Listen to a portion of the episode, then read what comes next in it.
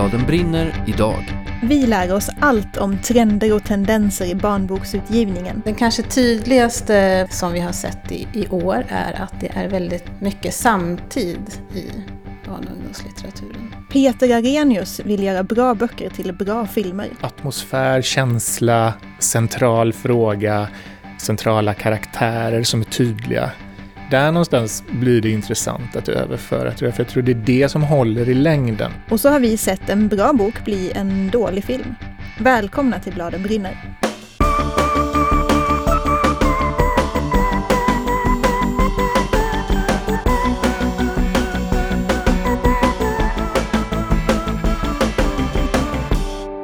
Igår släpptes Bokprovningen som är en rapport från Svenska barnboksinstitutet som har siffror och reflektioner kring allt, exakt allt som gäller utgivningen av barnböcker i Sverige. Ja, och det är så sjukt intressant varenda år när det här händer. Det är inte så jättemånga länder som har den här typen av jättegedigen kartläggning av barnböcker, men det har Sverige.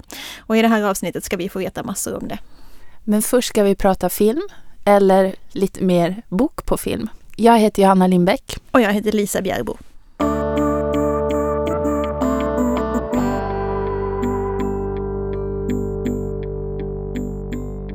Rätt ofta när man är ute och träffar klasser på författarbesök kommer frågan Finns dina böcker på film? Svar nej. Vill du att de ska bli film? Gud ja. Men vill och vill, det är liksom inte jag som kan bestämma det. Peter Arrhenius är ibland en helt vanlig barnboksförfattare som skriver om till exempel Fanny Falk i Till häxornas försvar. Men rätt ofta är han manusförfattare. Och om ni har sett Welcome to Sweden, Skuggor över Valleby, Svartsjön eller Ingen utan skuld, då har ni sett saker han har skrivit. Nu ska han lotsa oss igenom processen i hur man får en bok att bli en bra film för att jag ska känna att en bok har potential att bli en bra film, så finns det ett behov av liksom eh, gestaltningsbara, eh, sånt du kan se hända. Liksom. Ja. Inte inre processer. Eh, så därför liksom en kärlekshistoria mellan två stycken som, som tassar kring varandra kan bli jätteintensiv och spännande att läsa om i bokform för att du är med i deras tankar och deras dagböcker och deras, eh, allt det där liksom. Mm. Det de inte säger till den andra. Men när du gör en film så måste du hitta ett sätt att visa det på ett sätt som, som blir en bild. Liksom. Vad gör de då? Eh, för det är inte roligt när man pratar om det där heller, liksom, att alla ska förklara. Det är ju en dålig film när någon säger liksom Ja, men du vet ju att jag är kär i dig. det funkar ju inte, du måste ju hitta sätt att visa det på. Så det är liksom ett middagsbord, ett norenskt middagsbord liksom kan vara hur det kan vara en hel bok liksom att läsa om vad som händer. Men för en film så är det ju svårare att, du kan inte bara ha folk som sitter och tittar skumt på varandra och käkar liksom. Finns det någon genre som är mer tacksam att det här har större chans att bli en filmatisering? Eh, jag skulle tro att framgången för deckare och så har att göra med att det är ganska tydligt hur man... Eh, en sak leder till den andra. Det är folk som faktiskt måste träffas och prata med varandra eller undersöka, titta med mikroskop eller mm. förstoringsglas förr i tiden eh, för att hitta ledtrådar. Liksom. Så den har ett så tydligt framåtdriv. Och, och det är det viktiga. Så därför tror jag att den genren passar sig väl att överföra till, eh, till film och tv. Mm. Eh, sen, sen skulle jag leta efter just alltså, när de har en tydlig värld, en tydlig atmosfär, känsla, central fråga, centrala karaktärer som är tydliga. Där någonstans blir det intressant att överföra, tror jag. För jag tror det är det som håller i längden. Liksom att en story kan du förändra, men du vill känna igen känslan av att vara i den här världen. Eller du vill utnyttja liksom en karaktärs särdrag eller så här, om det nu är ro, komik, att det finns någon så här rolig eh, eh, one-liner som återkommer eller som du känner igen att det här är problemet för den här karaktären som jag mm. alltid skrattar åt. Är de grejerna mer än faktisk så här, plott och historia som man fastnar för tror jag, när man mm. börjar samla in. Så böcker som, har, böcker som har en tydlig värld, en tydlig ton, en tydlig om man lyckas överföra dem, eh, om man letar efter det och inte bara tittar i vad som händer på sida för sida utan försöker summera, så tror jag man har kommit en lång väg i hur den här boken skulle kunna bli en bra film eller tv-serie. En tydlig känsla av värld, det har ju Lasse-Maja-serien av Martin Widmark. Den toppar år efter år bokförsäljning och utlåning på bibliotek och den har blivit både julkalender och film i olika omgångar. Senaste filmen, Skuggor över Valleby, är inte baserad på någon av böckerna utan det är helt nya äventyr som är skrivna direkt för bioduken av Peter Arrhenius. Just i Lasse-Maja fall så tycker jag Valleby är så här, hur, den, hur Valleby är befolkat eh, tror jag är jätteviktigt för barnen som har läst Lasse-Maja-böcker för att känna igen sig i en film. Att du vill bocka av de här eh, personerna som Lasse och Maja möter i böckerna. Sen att det är ett helt nytt äventyr spelar nog mindre roll, eller snarare jag tror det är en bra grej att man får något nytt där och det här vet jag inte hur det slutar. Liksom, utan, eh, så det centrala där är relationen mellan Lasse och Maja tror jag, och eh, relationen till de övriga karaktärerna. Att man känner igen dem, hur de beter sig. För de har ju väldigt tydliga särdrag i böckerna. Alltså. Mm. Och där börjar överföringen. Liksom. Och sen lägger vi på ett, en händelse på det. Mm.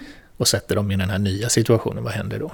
För mig var ju kicken när vi visade de här filmerna eh, till sist att när om.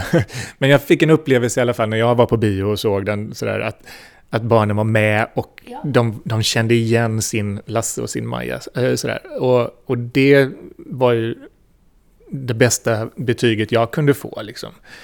Även om fyran från Kroneman inte var dum heller. men, alltså, det, det, nej, men det, att de kände igen sig i världen och att vi hittade en ton som, som verkade stämma. Mm. Det, det är jag stolt över med de produktionerna vi gjorde där. Liksom. Mm.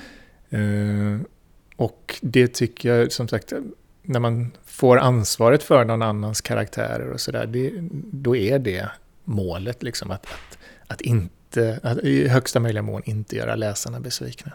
Och hur lätt är det inte att bli besviken när man som läsare går på bio och ser en bra bok? Man får liksom bara ta ett djupt andetag och hoppas på det bästa. Sen tänkte jag på just det orättvisa för de här filmerna av att man blir besviken. Kanske är att man har läst en bok som man gillar. Eh, och då är det, det är en väldigt, väldigt stark och intim upplevelse. För det är du och boken och du har gått in i den och du har investerat. Eh, att sen då försöka uppleva det igen, det är ju dömt att misslyckas i alla andra sammanhang sådär att man liksom, vi hade en så bra första dejt, vi ska göra precis samma dejt en gång till. Det kommer ju inte bli samma magi. Eh, så jag undrar lite, man pratar ju väldigt sällan om vad som händer om man skulle se en film som man älskar först och sen inser att ja, men här, det finns en bok på den här filmen, jag ska läsa den boken också. Mm. Om, om upplevelsen då kan bli starkare än den där första upplevelsen du hade när du såg filmen. Men jag måste fråga då, en filmatisering som jag tyckte var bra, där jag gillar boken jättemycket, Hungerspelen, mm. ettan. Har du läst och sett den? Vad tycker du om den? Jag håller med. Eh, jag tycker att det var en jättebra... Sen att tvåan och trean inte håller samma höjd kanske har att göra med att böckerna inte heller var riktigt lika bra.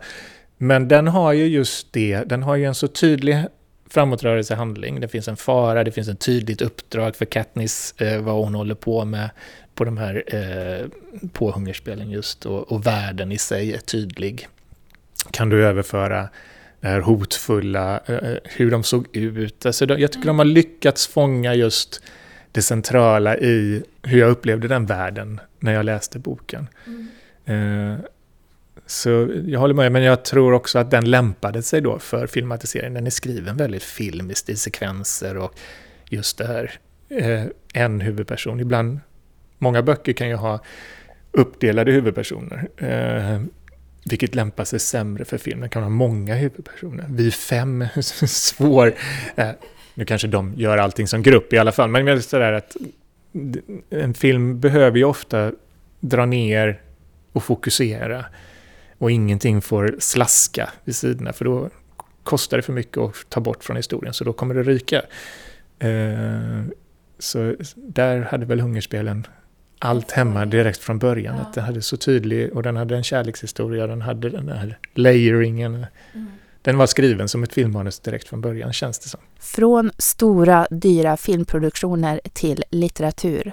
Vad njuter en manusförfattare av att få skriva helt obehindrat i en bok? Ja, jag älskar ju växelverkan eh, mellan att skriva manus och skriva böcker. Eh, för att när man skriver manus så är man en del av ett lag, en, en, en team som ska göra någonting, vilket är härligt att ha lagkamrater och, och prata med och sånt där. Men det är också extremt många människor som tycker och, och vill dra det du skriver åt olika håll gärna, gärna i konflikt med varandra, dessa åsikter. Så när ett sånt projekt är klart och jag kan sätta mig ensam här hemma i soffan med min dator och en historia som det är bara jag som bestämmer allt som ska hända i den. Kanske kommer en redaktör sen om man har tur. Eh, men de brukar, jämfört med hur filmredaktörer och tv-redaktörer är, så är bokredaktörerna väldigt, väldigt snälla och respektfulla mot ursprungsmaterialet. Eh, så det njuter jag av, att mm, liksom, nu ska det bli precis som jag vill. På gott och ont, så att man får stå med ansvaret för det till sist också. Och sen eh, kan det ju vara väldigt härligt att ingenting är dyrt i en bok. Eh, när jag gör en tv-serie och skriver in att det regnar mot rutan så kommer en producent höra av sig och säga du, eh, det här regnet, det är jäkligt mäckigt att få till, vi måste ha vatten och det ska... Och, och en sån bagatell kan ju verka vara, liksom, det behöver man väl inte tänka på, men jo, eh, så det är inte bara att spränga bilar och, och, och så här, tidsresor. Nej.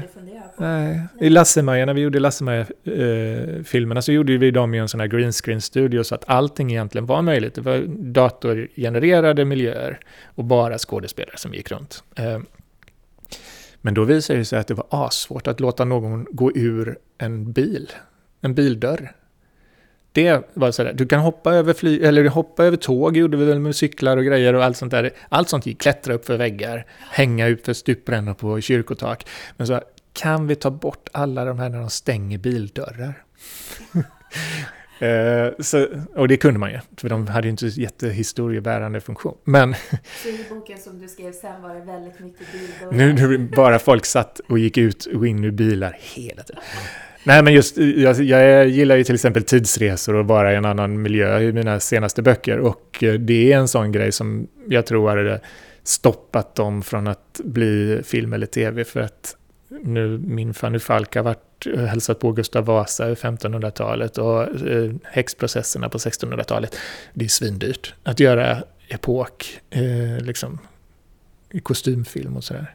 Och inte bara då tidsmaskiner och sånt som ska skapas också. Det där var Peter Arrhenius och vill man läsa en bok med både bildörrar och häxprocesser, då kan man välja hans Fanny Falk-serie. Del 1 heter I kungens spår och del 2 Till häxornas försvar. Man kan också lyssna på lite extra material för Peter berättar så himla mycket intressant om det här med hur man gör en film att det inte rymdes här i podden. Men det ryms på sajten, så kika på bladenbrinner.se. Och apropå böcker som blir film. För några år sedan kom Everyday, eller Jag en, av David Levitan som bok. Nu har den kommit som film och vi har sett den. Och om du är en sån person som är väldigt känslig för spoilers så kan du hoppa över till nästa inslag för nu kommer vi att prata hejvilt om allting. Helt respektlöst. Inga spärrar. vi kör. Eh, Everyday alltså. Den handlar om A som vaknar upp i en ny kropp varje dag. Det är blandat killar och tjejer och hudfärger och storlekar och allting. Sen är A den personen fram till midnatt och då blir det en ny kropp igen. Och så här håller det på. Och första dagen i både boken och filmen är A en kille som heter Justin och han har en flickvän som heter Rhiannon. De får en helt underbar dag. A blir kär i henne, känner att de måste träffas igen och helst få henne att bli kär också. Och det här är då sen boken, hur detta går till. Lisa, om du tänker på det här som Peter Arrhenius sa, att det ska helst vara så här tydlig känsla, tydlig värld. Vad tycker du då är den stora grejen med Everyday när du läste boken? När jag läste boken, då var det ju det här liksom konceptet att det här eh, själen eller personen byter kropp varje dag. Så att hela boken handlar ju väldigt mycket om hur det är att vara människa. Eh, vad som är ens kropp och vad som är ens själ till exempel. Och att det blir ju en väldigt, väldigt inkluderande tanke genom hela den här boken för att det blir så tydligt att skalet, liksom hudfärgen, kroppsstorleken, könet spelar liksom ingen roll utan det är det som är innanför skalet som räknas. Det tyckte jag var den absolut största grejen med boken när jag läste den. Mm. Hur A försöker tränga fram genom, han råkar vara en stor fotbollskille eller han råkar vara en jättesnygg liten vän tjej. Ja men precis. Nu sa jag han, det är ju en hen. Det är Mm, liksom, precis. man tänker på han bara för att det är han i början tror jag. Ja. Så, ja. Jag tycker också att det var, när jag läste boken, att det var det här med Rhiannon, hennes, hur hon var och hennes förhållande med Justin, att hon var ganska osäker och hon var så ovan vid uppmärksamhet och snällhet och hon var liksom den här söta tjejen som ändå ingen lägger märke till, ingen bryr sig om henne och sen kommer A och gör det och då blir det helt fantastiskt för henne. Och det ja, var hon så var ju ganska kuvad till och med. ganska kuvad och i boken var det så fint med hennes utveckling, hur hon gick från att vara det här väldigt då kuvad och tillbakadragen och inte våga göra någonting och sen i slutet våga göra lite mer och liksom våga kliva fram lite grann. Mm. Så då har vi etablerat det här. Nu kommer vi till det spännande. Hur tycker du att det här funkar i filmen? Men jag tycker ju att de har skippat båda de här spåren helt och hållet nästan. Ja. Eh, Det här som jag var inne på att, alltså det är ju med konceptet att eh, A vaknar i en ny kropp varje dag. ja. Och det blir typ tre sekunder varje, varje ny morgon i filmen så blir det så här, oj, idag är jag svart. Oj, idag är jag jätteöverviktig. Oj, idag var jag den här skitsnygga tjejen eller vad det nu kan vara. ja. Men det är ju ingenting av det här liksom, man fick inte alls samma känsla för att, eh, ja men för hela den här stora tanken så här, vad är det att vara människa? Mm. Hur funkar det här? Ja men jag tycker de har bara schabblat bort allt det nästan. Ja, det var så himla lite konflikter mellan dem för att i boken var ju, Rhiannon reagerar ju varje gång på nu dyker A upp i den här kroppen. Mm. Det här är jättesvårt för mig att tycka om den här personen för att jag gillar inte personer som ser ut si eller så eller jag har så svårt att förhålla mig till Nej, det. i boken så var ju hon eh, inte så sympatisk när det gäller det där för att hon hade ju jättesvårt till exempel att hångla med A när A var i en tjejkropp till en början. Mm. Eh, hon hade ju mycket svårare än, det, var, det värsta var ju när A var överviktig. Mm. Då var det ju eh, ganska mycket fat shaming i boken tycker jag Mm. som, som inte alls var så sympatiskt. Och i filmen är det bara, jaha, idag ser det ut så här, okej, vi sitter här och pratar. Alltså det är jättekonstigt, det är inte den diskussionen överhuvudtaget. Nej. Och sen så tycker jag med henne då, hennes utveckling i boken, eller i filmen, så är hon liksom Ja, man ska få en känsla av att hon kanske inte har, hon har inte så bra förhållande med Justin, men det beror på att han är, ett- han är ju helt jävla knäpp och så himla dum kille. Eh, men att hon, hon är liksom en söt tjej, hon är för söt, hon är för framåt. Det finns inte alls den där osäkerheten och utvecklingen tycker jag. Nej, hon är liksom inte lika intressant som karaktär för hon har egentligen inga brister i filmen överhuvudtaget. Hon är bara, hon är som den vanliga söta tjejen tycker jag. Ja. Alltså om man tänker i en film, den vanliga söta tjejen i en film. Och hela den här osäkerheten som gör att hon eller att hon inte har känt sig sedd någonsin i sitt liv och nu kommer A och tittar på henne på ett sätt som ingen annan har tittat på Mm. henne förut och då liksom lever hon upp. Det finns inte hu- överhuvudtaget med. Nej, och därför gör det att i filmen är det så svårt att fatta varför är hon tillsammans med Justin? Det är helt oförklarligt. Alltså som hon beter sig i filmen så tänker man du skulle kunna vara ihop med vilken kille som helst. Varför är du ihop med den här idioten? Mm. Medan i boken var det mycket troligare för man fick den känslan för henne att ja, men man förstår varför hon är ihop med den här idioten. Det är för att hon är si eller så. Ja. Ja, Det är också faktiskt ganska obegripligt varför hon blir kär i A i filmen tycker jag. Det går ju på fem sekunder. Alltså det blev ju så snabbt. Öppningsscenen, de säger hej och sen säger de ska vi skolka och sticka till havet och man bara okej, vad hände här?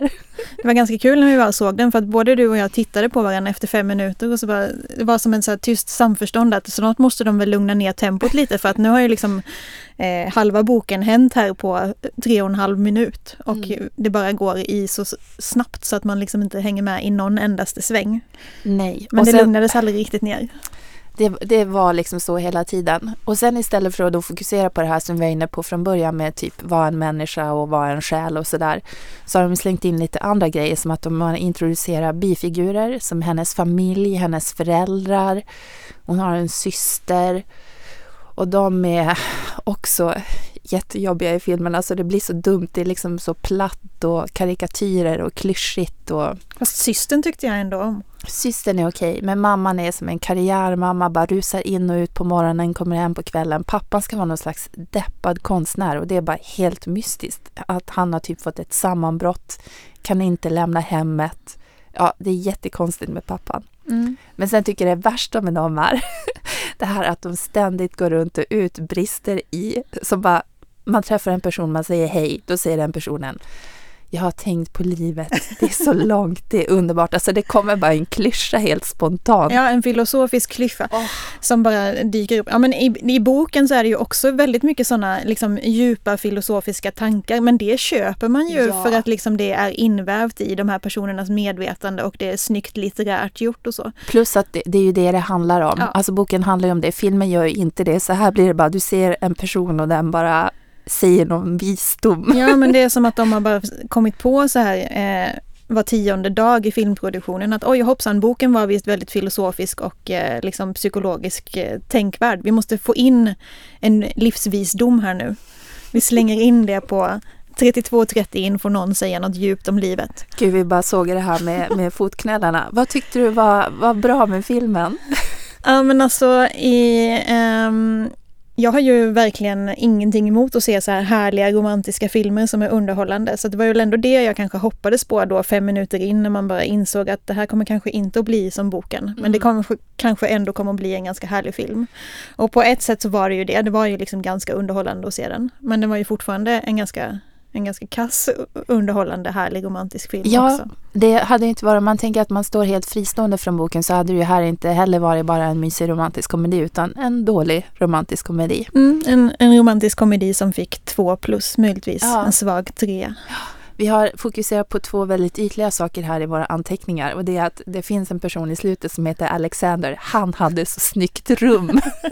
När man fick se inredningen i hans rum känner man bara, här kan vi stanna, panorera med kameran så får vi se vad han har för grejer.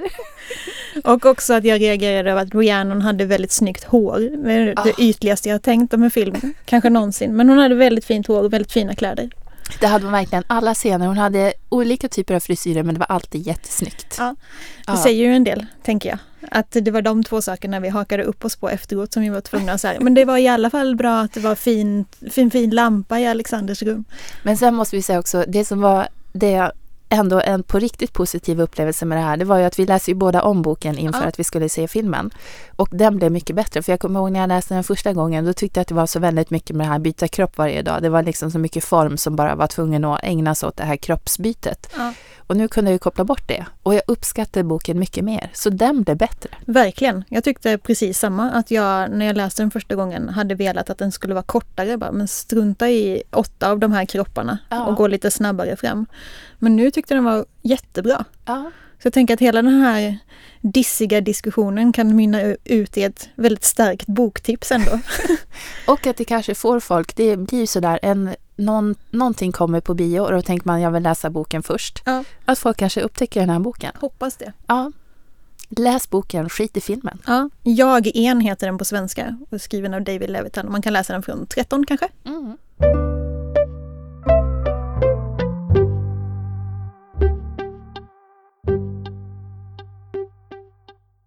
Nu ska vi prata om årets mest intressanta siffror. Varje år gör Svenska barnboksinstitutet en genomgång av alla böcker som har getts ut för barn och unga i Sverige. Och delvis så resulterar den här genomgången i en massa, massa siffror och statistik. Till exempel så kan man få veta hur många böcker som har getts ut, hur många som har tjejer i huvudrollen, eller hur många som är översatta från andra språk och vilka språk och så vidare i all evighet typ. Men det resulterar också i en lång rad reflektioner kring trender och tendenser i svensk barnboksutgivning. Det här är Kajsa Bäckius som är bibliotekarie på Svenska barnboksinstitutet. Den kanske tydligaste som vi har sett i, i år är att det är väldigt eh, mycket samtid i barn och ungdomslitteraturen.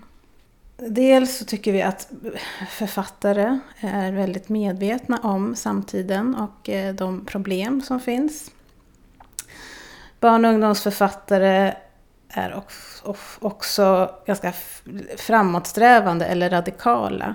Och eh, de vill gärna ofta ifrågasätta eller peka på Eh, vissa fenomen i, sam, i, i samtiden som kan anses problematiska.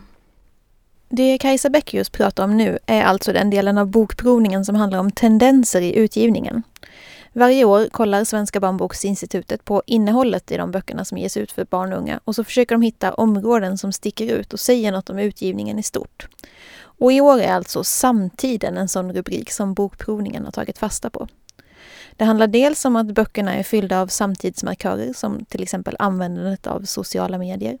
Men det handlar också om vilka fenomen som författare och illustratörer har valt att skildra. Nej, men dels är det ju sociala klyftor.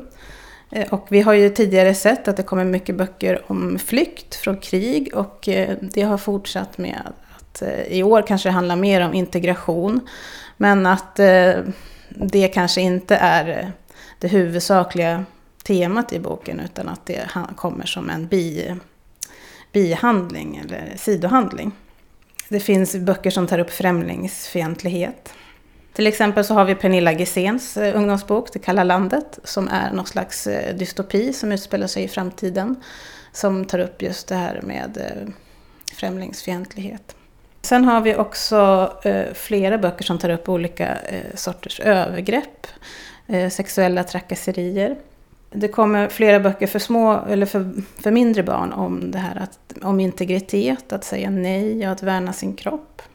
Eh, och eh, flera ungdomsböcker som handlar om eh, sexuella trakasserier och då är det särskilt på, på nätet eller sociala medier och nätmobbning. De tre andra stora rubrikerna i årets bokprovning är Skogen, den digitala utgivningen för barn och unga och Debutanter, vi ska gräva lite mer i den sista av de där rubrikerna.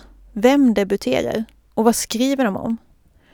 Kajsa Böckius säger att det har blivit vanligare med egenutgivning bland debutanter de senaste åren. Hon tror bland annat att det beror på att det har blivit billigare och enklare att trycka egna böcker. Och kanske har det också blivit lite svårare att gå den traditionella vägen. De som debuterar, de jobbar oftast redan inom kulturbranschen. Nu pratar vi om de som debuterar på de lite större förlagen. Och eh, flera av dem har tidigare gett ut vuxenböcker. Vi ser ju också att det är flera eh, om man säger, kända namn, eh, särskilt kanske inom ungdoms och barnsfären. Vi, det är ju flera som är youtubers som har gett ut böcker. Vi ser programledare på, på olika barnprogram. Skådespelare. Det debutanterna skriver om, det är oftast identitet och kärlek. Att bryta normer och visa upp en värld som känns inkluderande och fri. Det handlar om att tro på sig själv.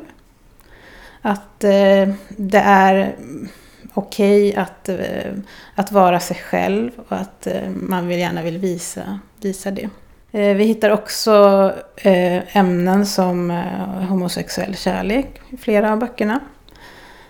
Till exempel så har vi Hata Gustavsberg av Agnes Lindström som eh, handlar om en tjej som eh, kommer ut. Hon säger att hon är lesbisk men hon är egentligen lite osäker på om hon är det eller om hon vill vara det för att hon vill sticka ut och hon vill synas. Andra exempel är till exempel Haj-Jenny av Lisa Lundmark som handlar om rätten att få vara ett tyst barn. Och Lisbet och sambakungen av Emma Karinsdotter, där Lisbets farmor bryter mot en lång rad samhällsnormer bara genom att vara sig själv. Det är böcker som, om man vill, allihop skulle kunna ställas på en hylla som var märkt med viktiga böcker. Jag undrar om Kajsa Beckius tror att det är vanligare bland debutanter att skriva om så kallat viktiga ämnen än vad det är bland redan etablerade författare. Det tror hon inte alls. Det är en genomgripande tendens att vi gör det just nu, säger hon. Men jag tror att anledningen till att eh, de här personerna har fått ge ut sina böcker är att det handlar just om det och att det är något som, är, som, som ges ut just nu. Och så själva statistiken då. De senaste åren har Bokprovningen kommit med samma besked år efter år. Barnboksutgivningen ökar och ökar. I år så har det också ökat. Och eh, det har ökat med drygt 100 titlar och det är en liten eh, minskning i ökningen kan man ju säga i alla fall från eh, föregående år. Men det är i alla fall en ökning. 2017 kom det ut 2532 böcker för barn och unga i Sverige. 56 procent av de här är svenska böcker och 44 procent är översatta från andra språk. Och när jag säger andra språk, då menar jag till väldigt stor del engelska. 66 procent av alla översatta böcker kommer från engelska språkområden och hoppet ner till andra platset på den listan är enormt stort. I ökningen av barnboksutgivningen är det framförallt en typ av böcker som ökar mest och det är bilderböckerna. Dels så tror vi att just den här egenutgivningen är väldigt stor bland bilderböckerna. Eh, vi ser också att eh, det bildbaserade ökar i stort. Vi ser bildromaner i mellanåldersböcker. Vi ser också att kapitelböckerna får mer bilder. Faktaböcker har också ökat med väldigt mycket och där finns det ju också mycket bilder i. Det är ju jätteintressant det här med att bilden ökar överlag. Hur länge har ni sett det? Ja, det har vi nog sett under kanske senare delen av 2010-talet. Men eh, det ser man ju också i hela samhället att eh, bilden har blivit viktigare. Man tänker på sociala medier och Instagram och sådär. Det har ju pratats otroligt mycket på senare år om eh, läskunnighet bland barn. Sen PISA-undersökningen kom för några år sedan så har det ju verkligen satsats på att barn ska lära sig läsa. Märker ni det i barnboksutgivningen på något sätt? Utgivningen ökade ju väldigt mycket efter den eh, PISA-undersökningen som var 2012. Så såg vi en väldigt stor ökning och eh, särskilt eh, kanske bland lättlästa böcker, att det kom ut väldigt mycket lättlästa böcker. Håller det i sig då att man fortfarande satsar på lättläst? Ja, det kommer mycket lättläst och det finns flera förlag som, som ger ut lättläst. Och de här förlagen de ger också ut väldigt många titlar i ganska små upplagor. Just för att de vill att det ska finnas böcker som, eh, som passar alla. Eftersom gruppen som behöver läsa lättläst är lika olik den gruppen som, inte, eller som kan läsa böcker som inte är skrivna på eh, direkt lättläst. Hänger det ihop det här bildbaserade, att bilderna ökar med att eh, man satsar på lättlästa böcker? Ja, det kan ju hänga ihop. Eh, att, att I och med att bilden blir viktigare eh, så känns det som att texterna inte är lika långa. Man orkar inte ta till sig långa texter. Och i de här lättlästa böckerna så är det ju också ibland bilder med. En annan sak som bokprovningen också alltid kollar på är fördelningen mellan kön, både i själva böckerna bland huvudpersonerna och bland de som skriver och illustrerar. Bland upphovspersonerna är det verkligen inte särskilt jämställt. 63 procent av alla som gör barn och ungdomsböcker är kvinnor. Den kvinnodominansen finns i hela branschen, säger Kajsa Beckius, och på många fler ställen som har med barnkultur att göra. Men när det gäller huvudpersonerna i själva böckerna ser det faktiskt lite jämnare ut. För ett tag sedan så florerade en amerikansk artikel runt i sociala medier och delades hej vilt. Och den fokuserade på hur stor övervikt åt killar det var i barnböcker. Att huvudpersonen oftare var en kille, att monstren nästan alltid var manliga och att hjältarna alldeles för sällan var tjejer. Men bland de böckerna som vi har att välja mellan i våra bokhyllor i den här delen av världen så ser det faktiskt inte riktigt ut så. Jag skulle säga att det är en liten övervikt av kvinnliga huvudpersoner. Men i bildböckerna så ser vi lite fler pojkar i, som huvudperson. Eh, och i ungdomsböckerna så är det väldigt många fler tjejer i huvudroll. Sammantaget säger siffrorna 55 procent tjejer som huvudperson om man slår ihop alla slags böcker och 45 procent killar. Sen har vi också de böcker eh, där inte könet är specificerat. Och det har faktiskt fördubblats i år när det gäller bilderböckerna.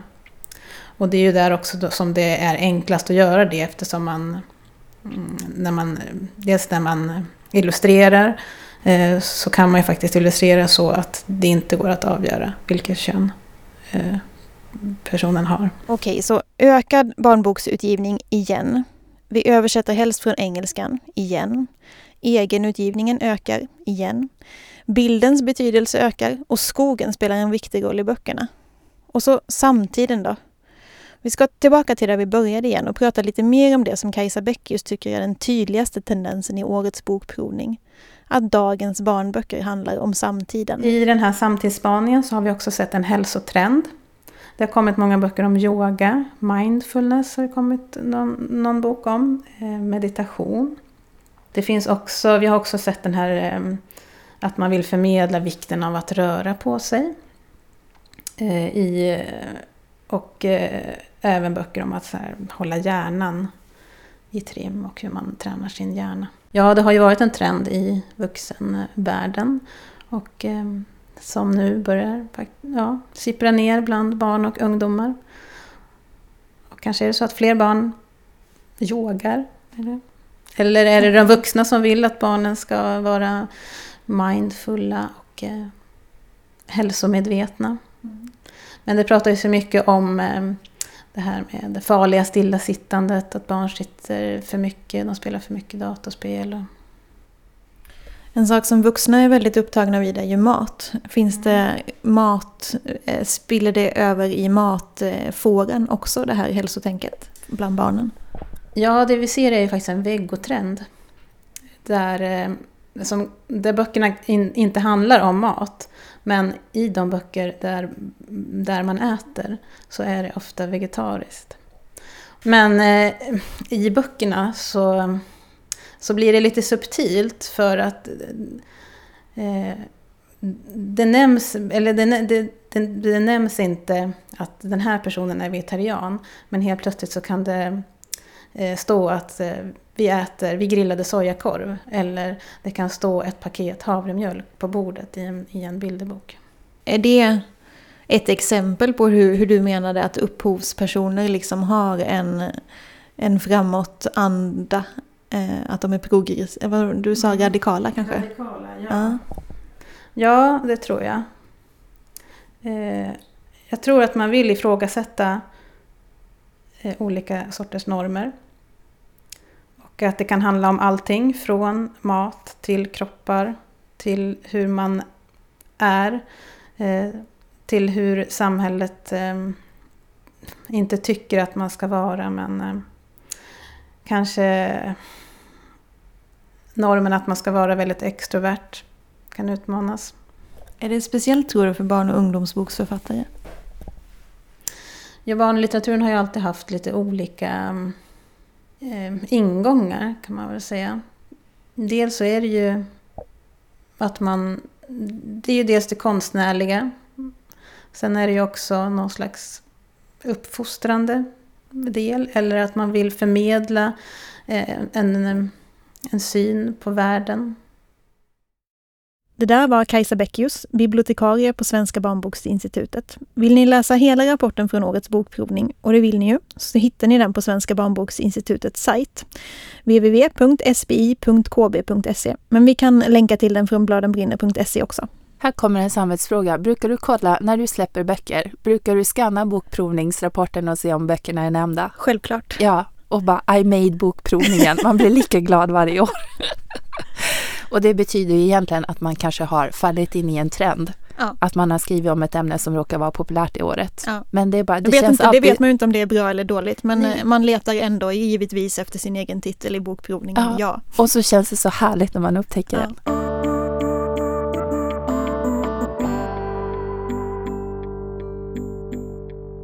Det är dags för boktipsen. Vill du börja? Jag kör. Mm. Då har jag läst Kejsarens grav av Johan Rundberg och det här är en uppföljning till Vånadens röst som kom förra året. Eh, och det handlar om samma gäng så att det är Sebbe som är huvudperson och så har han sina kompisar Max och Manda. Och nu är det en julkalenderinspelning som de är med på och den är på Östasiatiska museet.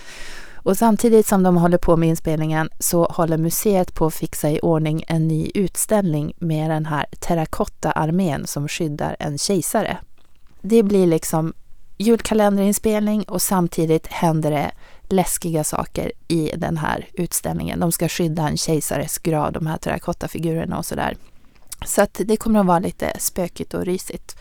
Eh, och det som är så fint med den här boken och med Johan Rundbergs alla böcker, det är att det är väldigt eh, liksom sköna karaktärer, skön dialog, bra dialog.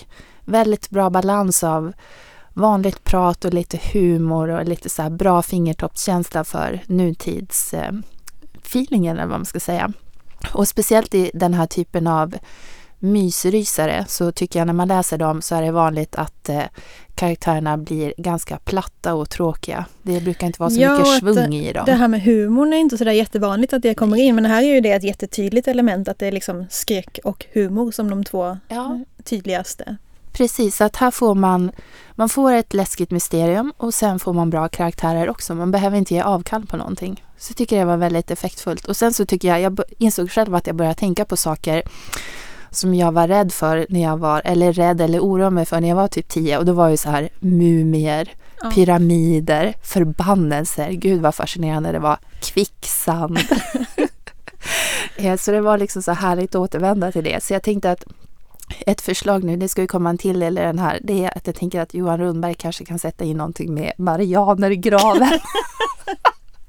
det var det värsta jag kunde tänka mig, om man plötsligt skulle råka hamna ovanför det är Marianergraven. Ja. Och detta då jämfört med vad jag är orolig för idag, då är det bara fruktansvärt. Det är ju liksom klimatet, översvämning, torka, antibiotikaresistens. Alltså det är som man önskar sig lite kvicksand. Men de här böckerna är ett väldigt bra tips. Så del ett, Vålnadens röst och del två, Kejsarens grav. Och från nio år ungefär. Från nio år, eller kanske 10-11.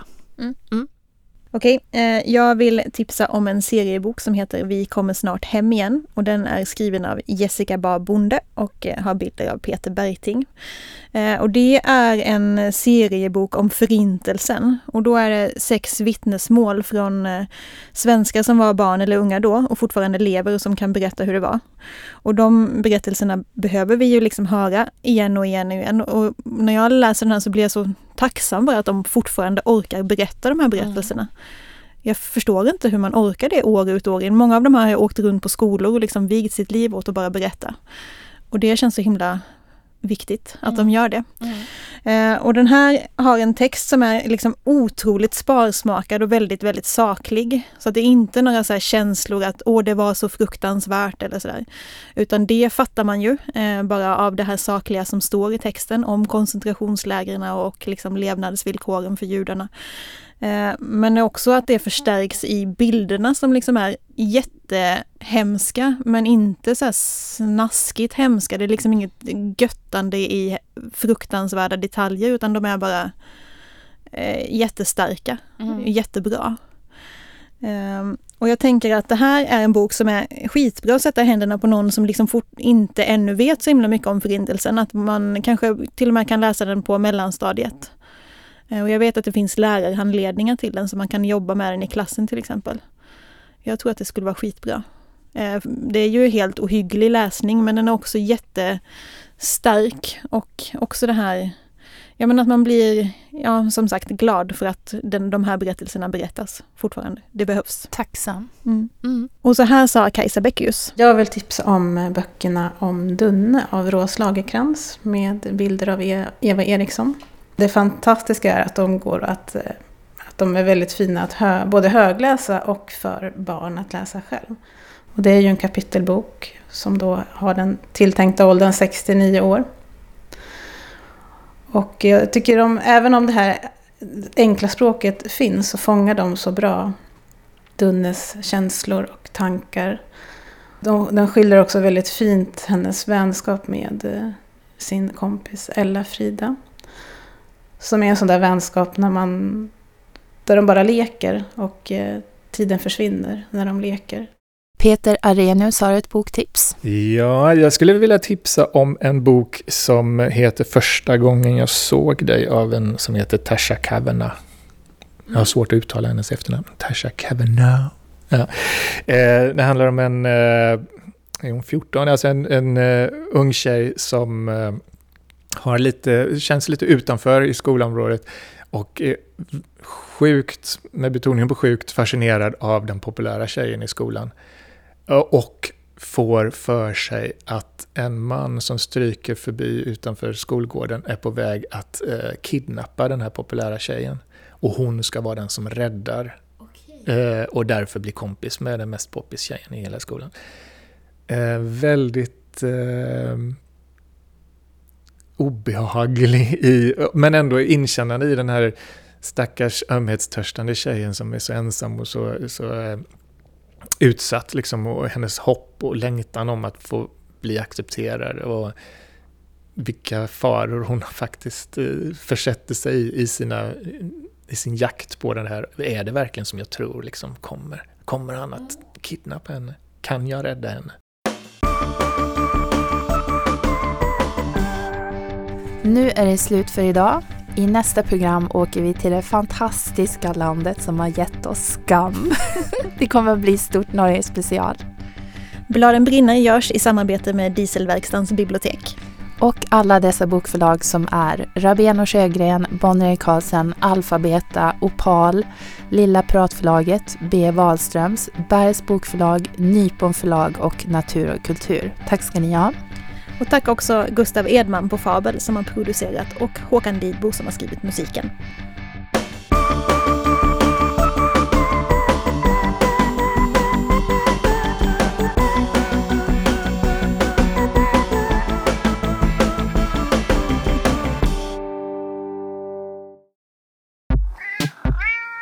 Den här podden producerades av Fabel Kommunikation. Läs mer på www.fabel.se